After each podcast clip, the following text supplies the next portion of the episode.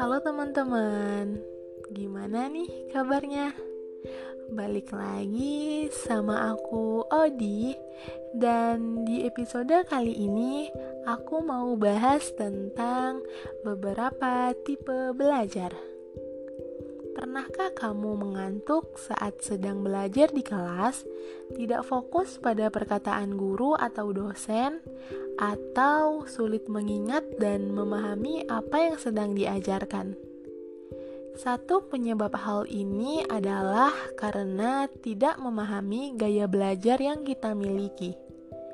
Padahal kita memiliki cara masing-masing untuk memahami dan memproses informasi.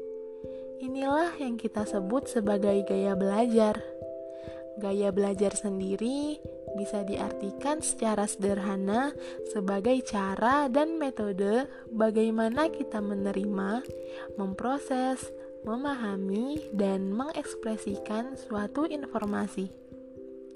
Setiap gaya belajar memiliki kebiasaan dan kebutuhan yang berbeda kamu harus memahami gaya belajar mana yang dominan, supaya kamu bisa memaksimalkan potensi dan kemampuan. Nah, yuk disimak empat gaya belajar berikut.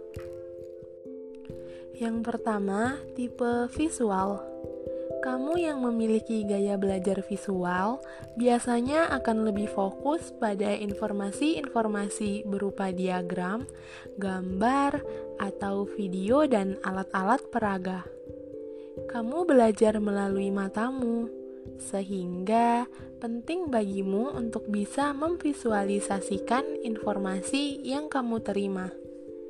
Maka, tips untukmu yaitu kamu bisa memproses informasi yang kamu dapat dengan menuliskannya kembali melalui simbol-simbol yang menarik, sehingga membuatnya lebih mudah diingat.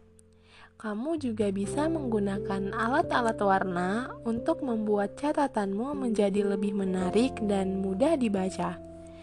Membuat mind map atau peta pikiran juga bisa membantu dalam memahami informasi yang kompleks dan memiliki banyak turunan.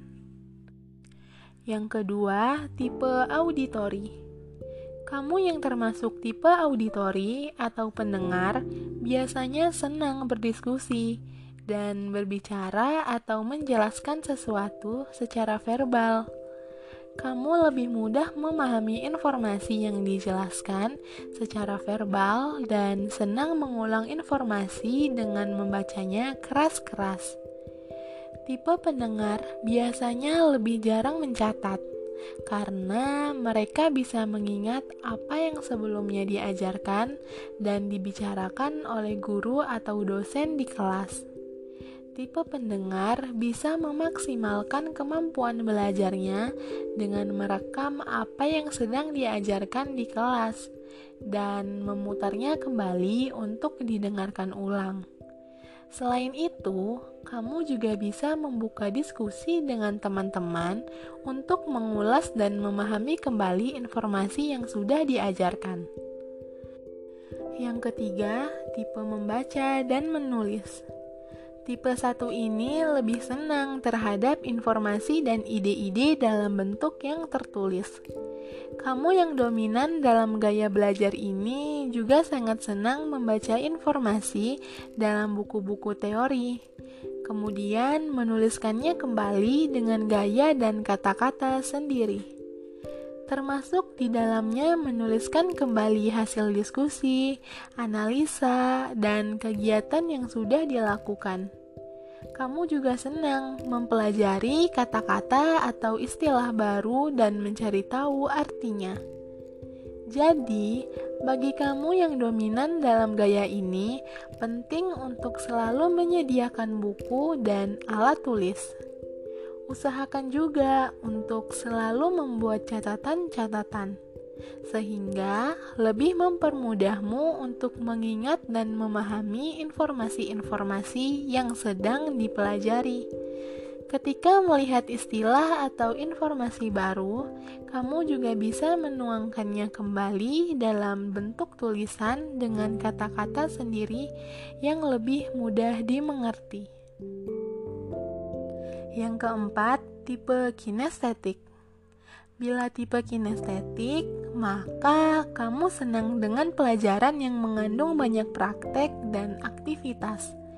Kamu sulit untuk berdiam diri saat belajar dan harus sering bergerak agar otakmu bisa memproses informasi lebih maksimal.